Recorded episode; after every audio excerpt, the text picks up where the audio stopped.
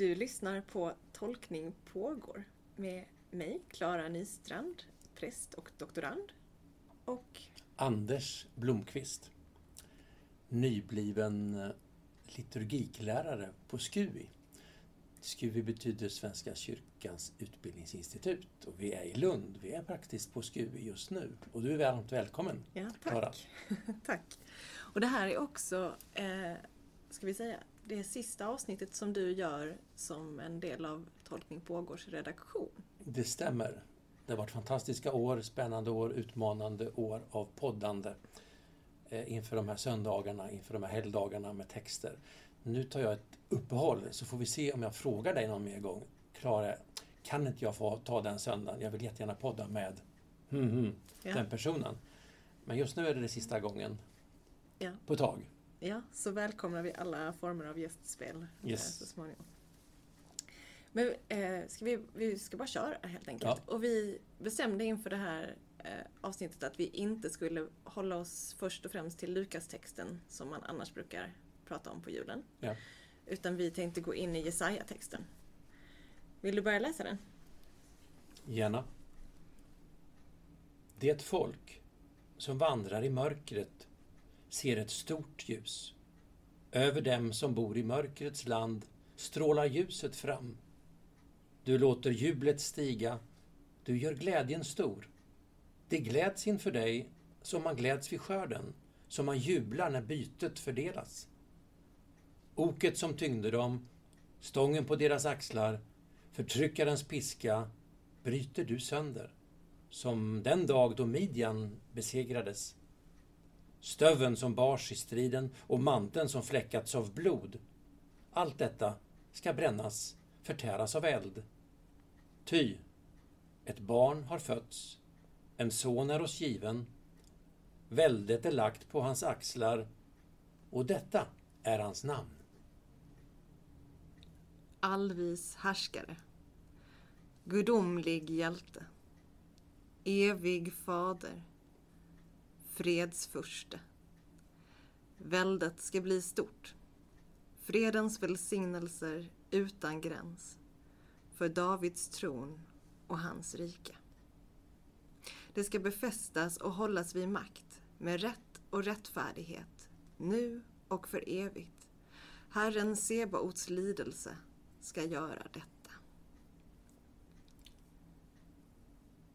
Så lyder den gamla testamentaliga läsningen på juldagen. Mm. Gud, vi tackar dig. Men eh, för mig är det här som att det är nästan som att höra en sång. Att man liksom, är, det är så välbekant och jag bara kommer in i rytmen och det är liksom eh, det är, något, det är någon hemkänsla i att höra den här texten. Eller vad säger du? Ja, absolut. Jag såg framför mig eh, alla de gånger jag haft julotta eller midnattsmässa och det kliver fram en kyrkvärd. Det är mörkt i rummet. Eh, det är laddat. Man kanske har sjungit en psalm. Granen står där till höger tänd, men annars är det väldigt bara levande ljus.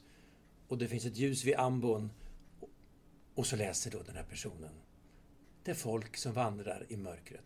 Det är något liksom där, nu sätts natten igång eller juldagsmorgon igång eh, med den här texten. Jag, jag, Den läses ju varje årgång. Ja. Och det är så...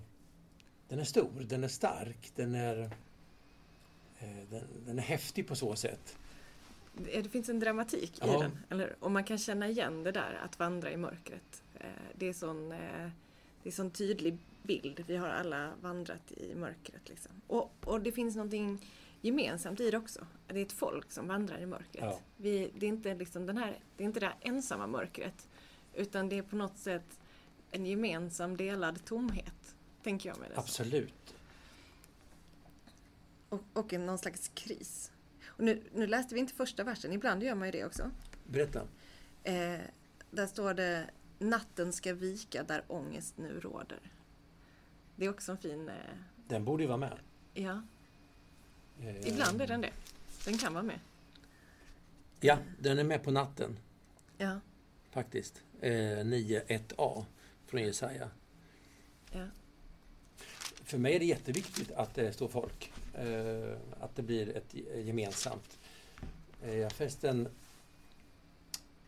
varit i, jag har hälsningar från den lutherska kyrkan till alla som lyssnar nu faktiskt också från den lutherska kyrkan i eh, Jordan och Palestina och Jerusalem. Biskop Emeritus, han som har varit biskop Monib Yonan, han hälsar till alla. Eh, och det här är ju natten eh, och Betlehem och födelsen och han som biskop har varit väldigt mycket i Betlehem. Och han menar att det måste tolkas kontextuellt hela tiden och det är inte vi och dem utan det är ett vi.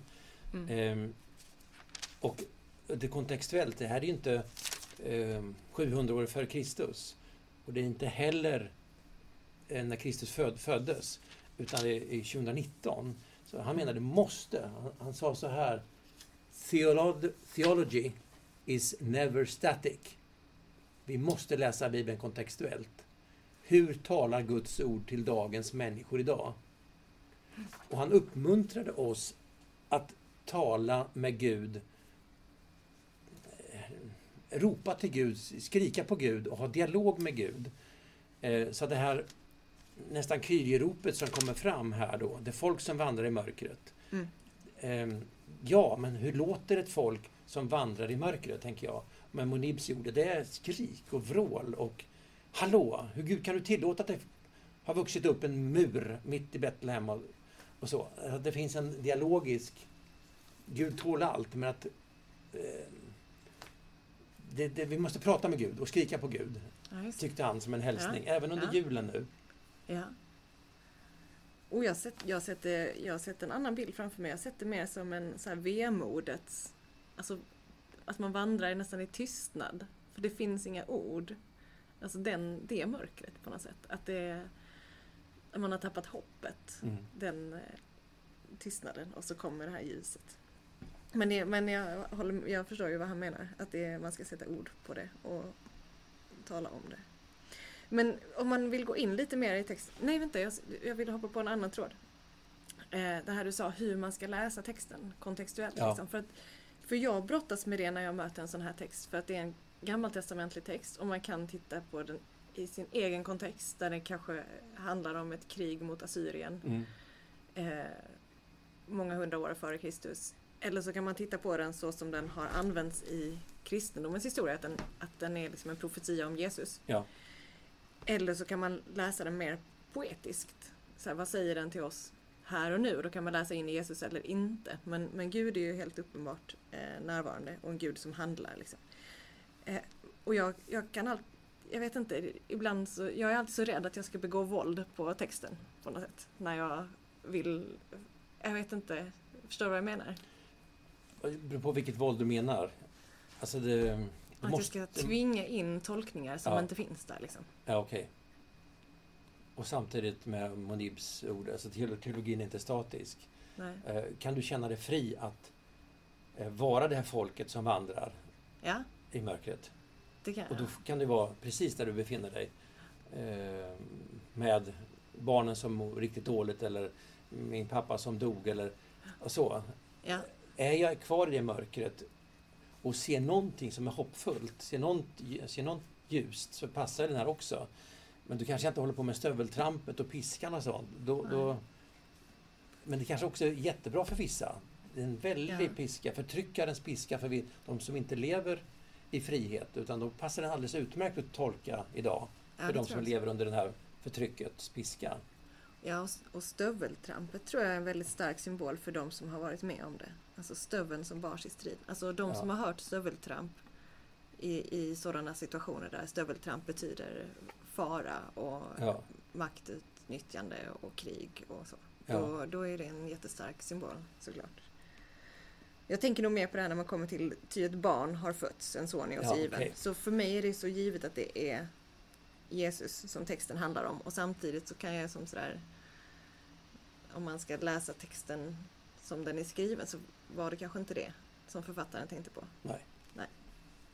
Men det kanske inte spelar någon roll. Inte, och inte när man ska predika över den på julafton. Då behöver man ju inte gräva i Assyriens krig och så. Nej. Nej. Då kan vi lämna det. Jag tror faktiskt det. Däremot fick jag en tanke när jag visste att jag skulle göra det här med dig. Och det är den här, det här ljuset. som strålar fram och skall verkligen stråla fram. Då tänkte jag på inför Johannes döparens födelse från Lukas 1 då. Mm. Han föds ju lite snabbare den här gossen. Vad kan det vara? Tre månader? Kusin eller syssling eller vad han är för någonting. Mm. Och då så står det så här, det är Sakarias då, som fylls av helig ande och talar nu profetiska ord. Och så pratar han och pratar han och pratar han och sen kommer han Och du mitt barn ska kallas den högstes profet, till du ska gå före Herren och bana väg för honom. Och så kommer man fram då. Han skall komma ner till oss från höjden, en soluppgång för dem som är i mörkret och i dödens skugga, och styra våra fötter in på fredens väg. Väldigt liknande liksom, tankar då. Och sen växte pojken upp och blev stark i anden. Mm. En soluppgång för de som är i mörker och dödens skugga. Det är ju det här eh, mörkrets land.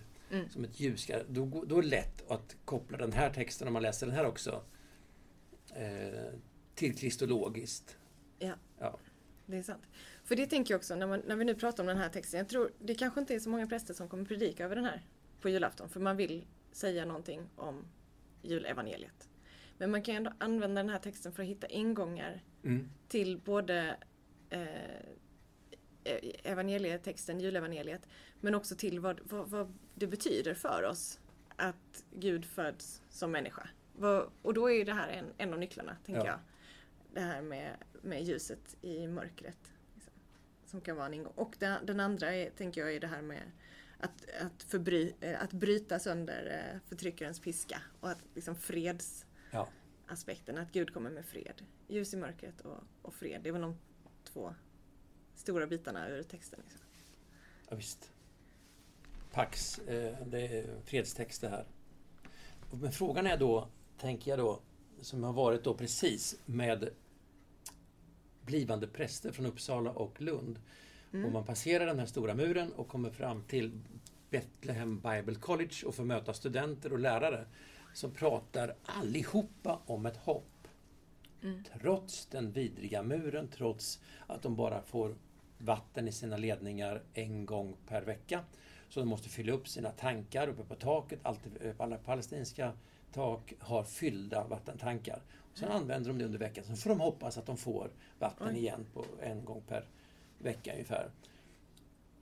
Alla som vi pratade med under den här veckan, både kristna, judar och muslimer, hade ett hopp som jag var otroligt, kan vi säga, förundrad över och imponerad av. Eh, Att inte gnälla, inte vara bittra, inte falla ner i någon slags stor tyngd, utan vi blev så glada över att möta de här representanterna för religionsdialog. Mm. Så ena efter den andra, inte bara Monib, utan Yunan, biskopen, utan kyrkoherden i Betlehem. Eh, ungdomarna som gick där på kurser. De hade ett kolossalt hopp. Och var kommer det ifrån, tänkte jag. Och de här då i Betlehem, de var ju kristna. Men det Mm. går också muslimer där också.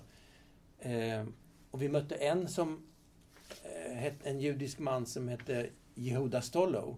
Som har sysslat i 18 år med religionsdialog i något som kallas Interfaith Encounter Association.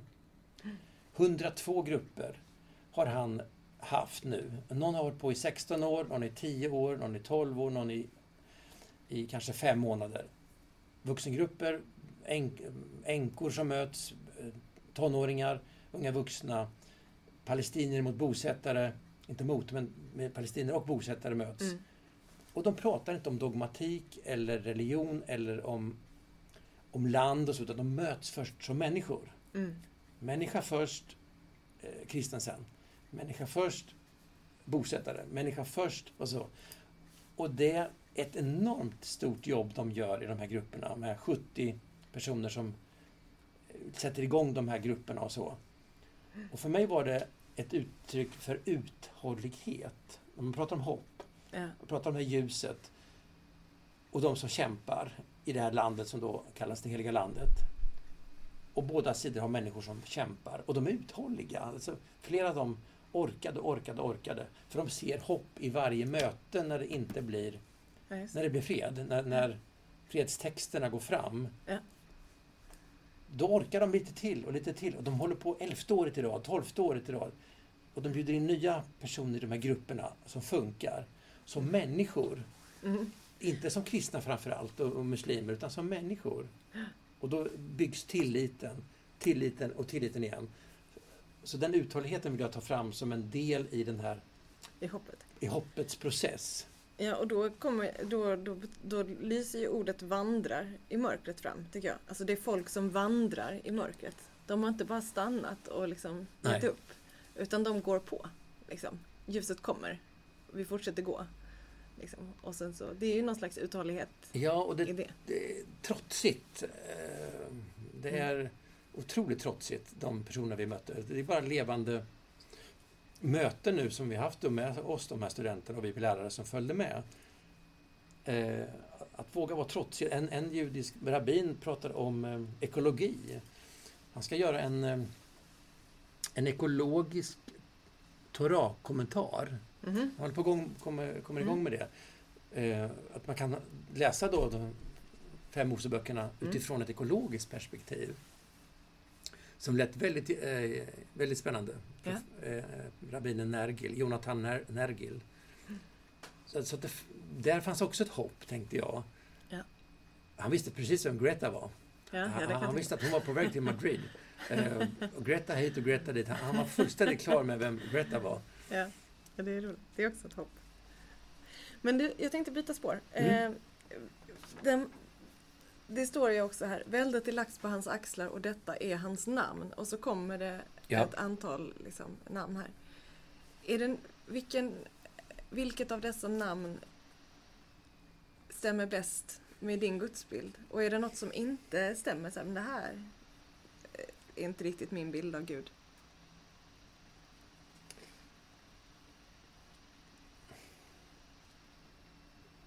Härskare, hjälte, fader, furste. Ingen av dem. Eh, eh, Furste låter inte så bra, men fredsfurste. Alltså på engelska heter det ju Prince of Peace. Jaha, Det är, då är det fredens prins. Ja. Det är någonting annat än fredsfurste. ja, Ja. där är det. Fader är fint. Eh, absolut. Eh, Gud är vår fantastiska pappa. Eh, Jesus är själv pappa till Gud, alltså Abba, Mm. Abba fader. Och en evig sådan som har varit med från begynnelsen och framåt eh, och tillbaka. Det bejakar jag. Mm. Men de andra funkar inte så bra. Nej, inte så. Jag får- dåliga Nej. härskare, är inte så bra för mig heller. Nej, Härskartekniker har vi lärt oss eh, och inte lärt oss att det ska man inte använda. nej. Eh, Allt beror på hur man tolkar det såklart. Ja. Fredsfurste, någon som vill fred, Prince of Peace, ja, det är också fint. Hjälte är lite roligt, alltså att vara hjälte i sitt eget liv eh, och en gudomlig hjälte. Eh, kan det vara någon som kan inspirera mig till att vara hjälte så pass mycket som jag kan vara i min omgivning? Mm. Att bygga fred. Eh, att ta mig själv så på allvar, inte narcissistiskt att det bara är jag, jag, men i, i relationen till dig Mm. så kan jag få vara en hjälte som kanske får vara inspirerande, uppmuntrande och kunna göra stordåd på mitt sätt. Eh, Mm. Lite sådana tolv storverk, eh, inte som Herkules kanske, men att få en, en gudomlig... Alltså Gud skapar oss till eh, Guds avbild och i den finns, tror jag, en gudomlig hjälte i oss. Så den kan man leka Mm. lite med och den kan Mm. jag också bejaka. Mm. Du själv då? Ja, men jag, jag... Alltså ordet furste fattar jag inte, men, men det här med fred. det, det tror jag blir en, en större och större del av min gudsbild faktiskt. Och just, och framförallt kristologi, alltså bild av Jesus. Att han kom för, för, med fred. Liksom. Det var det som, bland annat det som var grejen. Liksom. Mm. Så det, det tror jag, det, den delen håller på att växa på mig tror jag. Fredsfurste. Men skulle du någonsin i din egen bön rikta dig? Till fredsfursten? Ja. Nej, Nej. bra poäng. Eh, för vad är det- tilltalet? Vem är din, Ja. din, din Jesus som du kommer till? Ja. Min Jesus, min. Da-da-da-da-da-da-da. Alltså, så, så det, det är ditt hjärta. Ingen av de här skulle jag vilja be till Jesus. Nej. Du eviga fredsfurste. Då blir det liksom lite tillrättalagt för mig. Ja. Det är inte den här innerliga hjärta till hjärta. Nej, det är Eh, så, Och ändå så låter det så snyggt tycker jag när man läser det. Liksom. Alltså det är roligt för att nu, jag har inte tänkt på det, men nu när vi, du börjar och liksom frågasätta de här så, så är de ju inte så himla kul. Men när, när de läses upp på julafton eller på julnatten så tycker jag det låter helt fantastiskt. Allvis härskare, gudomlig hjälte. Alltså jag, jag bara så myser men... det men är nå- jag tror det är något som saknas dessutom. ja, I alla fall någon kommentar jag läste att eh, det är egentligen någon tron, tron, eh, uppstignings, tronbestignings eh, namngivningsakt eh, ifrån Egypten. Mm. De fick fem epitet gånger två alltså. ja, Allvis härskare, ja, ja. gudomlig hjälte. Och sen det, det saknas tydligen en. Eh, men det vet jag inte. Det. Eh, Från det gamla Egypten. Mm. Så, så, så, man hade en kung, en, en eh, farao, så fick de sådana Ja. fem gånger två Ja. namn, liksom så, på tronbestigning. Ja. Jag läste också det någonstans att det här var liksom en gammal kröningsritual. Mm. Precis. Som man inkluderat. Men, men det är jättespännande för då kan den femte vara fyll i själv. Liksom. Ja, och det vill komma till. Vad är din eget ord för eh, då det här barnet som är, är fött? Eh, som du faktiskt... Är det det barnet som vi själva som föds för oss och inkarneras för oss? En Gud som kommer oss till mötes som vi lägger i krubban. Som, vi lägger, som, som också finns i vårt hjärta. Ja. Alltså föds det någonting som läggs i vårt egen krubba, alltså i vårt eget Ja. hjärta, varje jul, som får betydelse för oss och vad, vad, vad namnger vi det i så fall? Mm. Eh, Jag skulle vilja att det var någonting med sårbarhet. För det, det, liksom, det behöver ju, att, behövs ju helt tydligt för att komplettera de här första fyra. Och det, jag tror det är det jag tar med mig in i, i den här julen också. Jag lyssnade på en, en podd där man intervjuade Walter Brueggemann som är en amerikansk teolog. Eh, där man pratade, jag, jag kommer inte ihåg vad temat var egentligen, men han sa bara sådär i en bisats att det finns ju faktiskt människor idag också som är väldigt, och så, jag kan inte riktigt översätta det, men han sa committed to vulnerability. Alltså hängivna sårbarheten. Och det bara tyckte jag var så himla starkt. Att tänk att vara det som människa, att välja det som sin väg. Jag ska vara hängiven sårbarheten. Ja. Jag ska gå in i alla lägen och våga vara sårbar. Och vad som händer då, det är jättespännande. Tycker jag. Då fick jag, jag den här Hartmans eh, då. Psalm 74. Du som gick före oss längst in i ångesten. Hjälp oss att finna dig, Herre, i mörkret. Mm. Du som var all vår skuld in i förlåtelsen. Du är vårt hjärtas fred. Kommer redan igen. Jesus för evigt. Och sen då, du som är livets bröd går genom tid och rum.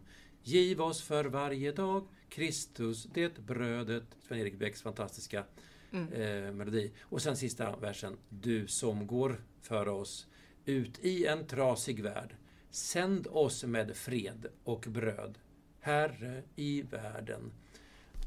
Då har vi ett namn egentligen, det femte namnet. Ja. Och det är då den Kristus som går för oss, som väntar nästan i mörkret, i ångesten här då. Mm. Som då är eh, det. det folk som vandrar in i ångestens mörker nästan. Då finns det någon som redan är där. Ja, det är också Den här liksom kenosis-tanken från Filipperbrevet. Avklädelsen, utblottelsen, tömningen, nedstigningen. En Kristus som då...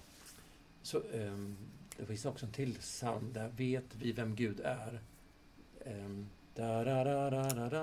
Just det. Han gick in i din kamp Just på det, jorden. alltså, Gud går någonting. in i kampen på jorden. Ja. i mörkret så vet vi vem Gud är. Och då finns väl många namn på det. Eh, en som är kvar i mörkret, en som har gått före oss. En, några sådana epitet kan man tänka sig. Ja. Finns som femte där, som Ja. står som en, en inbjudan Ja. till de nya namnen som då inte håller på så mycket med tronbestigning och eh, annat. Mm. Så tänker jag nu eh, Ja. i samtalet faktiskt. ja, Och det hjälper mig också. En mycket mer mänsklig eh, Just Gud. just det. Landa lite närmare än de här Ja, då blir, både, då blir en, en, ett, um, jul, julskriket blir påskropet. Ja. Återigen ihop då. Eh, en Gud som ropar här för Herre, har du, Gud, min Gud, har du övergivit mig? Psaltarpsalmen 22 då. Mm. Eh, Det ropet finns ju med, tycker jag, det folk. Mm. Gud har också gått där. Kristus har också ropat ut det. Och Ja. Då blir det mera eh, relevant, tror jag, i, i- julnattens mörker för de personer som inte är glada. Ja. Som bara hatar det här med jul, för det finns så mycket förväntningar. Ja. Och härbärgen som är, är fulla. Vad är det, 3500 i Malmö som är hemlösa? Det finns 100 platser i det här nya. Är fulla. Ja. Ja. Mm. Mm.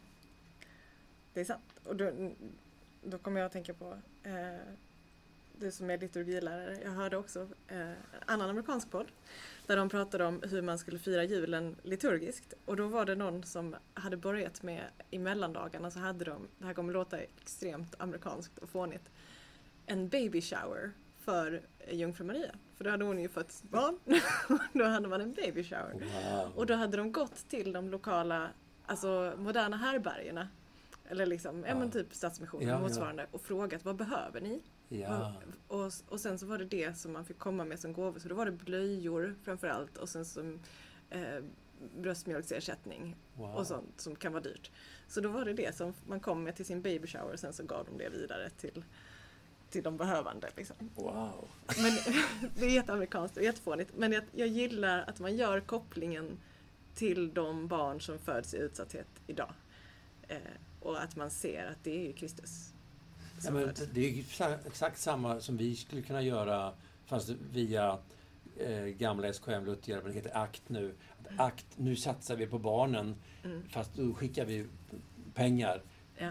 Slussas det i tillit till ACT och sen gör de omvandla det till exakt det. Ja, ja, det är sant. Eh, så att egentligen är det bara en syn, med synliggörande medan Ja. vi tycker att ACT är jättebra. Det har vi eh, tilltro till och litar på det.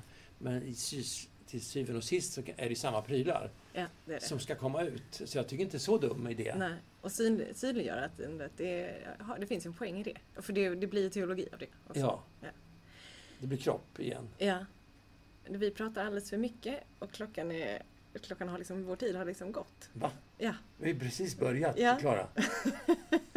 Faktiskt. ja, jag- Inte kommit någonstans. Nej, det är jättestörigt. Ja, det var mycket, fanns mycket mer att säga. Det är julen. Ja. Men så här är det. Så vi får eh, släppa det där. Okej, Tack så mycket Anders. tack Klara.